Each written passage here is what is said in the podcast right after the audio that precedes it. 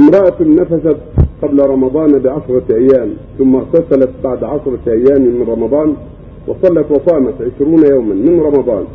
رغم أنه ينزل عليها بعض الأيام دما بسيطا هل صيامه صحيح؟ وإذا كان غير صحيح يسمى الحكم وقد مضى سنتان. فهل عليه كفارة؟ المرأة إذا نفست تجلس ولا تصوم ولا تصلي مدة الدم. فإذا طهرت ولو لعشرين يوما أو أقل أو أكثر تغتسل وتصلي وتصوم لأن النفاس لا حد له محدود إذا تقليت فإذا رأت الطهارة ولو أنها لعشرين أو لخمسة عشر أو لعشر أو أقل أو أكثر فإنها تغتسل وتصلي وتصوم وتحل لزوجها لأنه لا حد لأقل النفاس. فهي ممنوعة من الصلاة ما ترى الطهر. فإذا رأت الطهر وجبت عليها الصلاة والصوم وخلت لزوجها ولو لم تكمل الأربعين. لكن متى مضى معها الدم حتى بلغت الأربعين؟ فإنها تقف ولا تتجاوز الأربعين.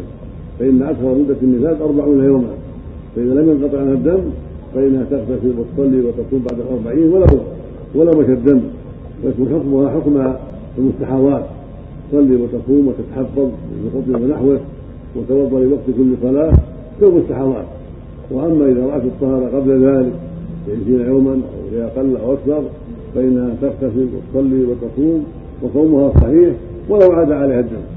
فلو صامت عشرة أيام تكمل الشهر طاهرة ثم رجع عليها الدم في العشر الأخيرة من الأربعين فصومها صحيح ولا يضرها وتجلس البقية التي جاء فيها الدم.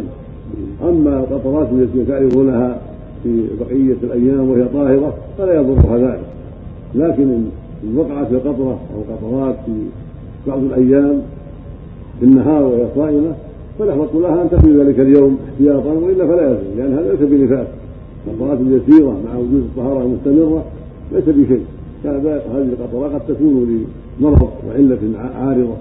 أما إذا جاء الدم المعتاد فإن أيام تجلسها التي جاء فيها الدم ولا تصوم ولا تصلي وأيام التي رأت فيها الطهارة صومها فيها صحيح. ما بين طلوع الفجر وغروب الشمس. إذا طهرت بين طلوع الفجر إلى غروب الشمس فهذا صوم صحيح ولو جاء الدم في الليل. إذا جاء الدم في الليل لا تصلي بعد وجود الدم. إذا جاء بعد غروب الشمس لا تصلي المغرب والعشاء فإن في حكم النفاس أو إذا طهرت في آخر الليل أو في الطهارة صلت الفجر وصامت النهار النهار كله. فإذا جاء هد في النهار بطل الصوم لأنها لا في مدة النفاس. أما الشيء الذي لا يعد في الحقيقة نفاسا كان قطرات لا يوضع لها ولا يعتبر نفاسا فإن هذه أشياء عارضة. بخلاف النفاس المعروف فإن الدم يجري ويمشي معها وتعرف أنها في النفاس. هذا كله يجعلها نفساء في الأيام التي يجيئها فيها الدم.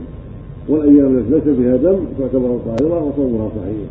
الشيخ عبد الله عنك هو قادر تخليط الأربعين من عادة يعني وقت عادته وتقدم من هذا حسب هذا يكون عادة.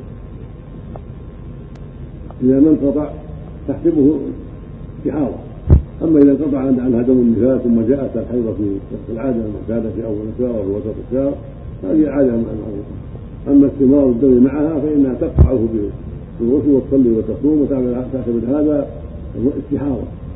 لأنها لم تنفصل. نعم.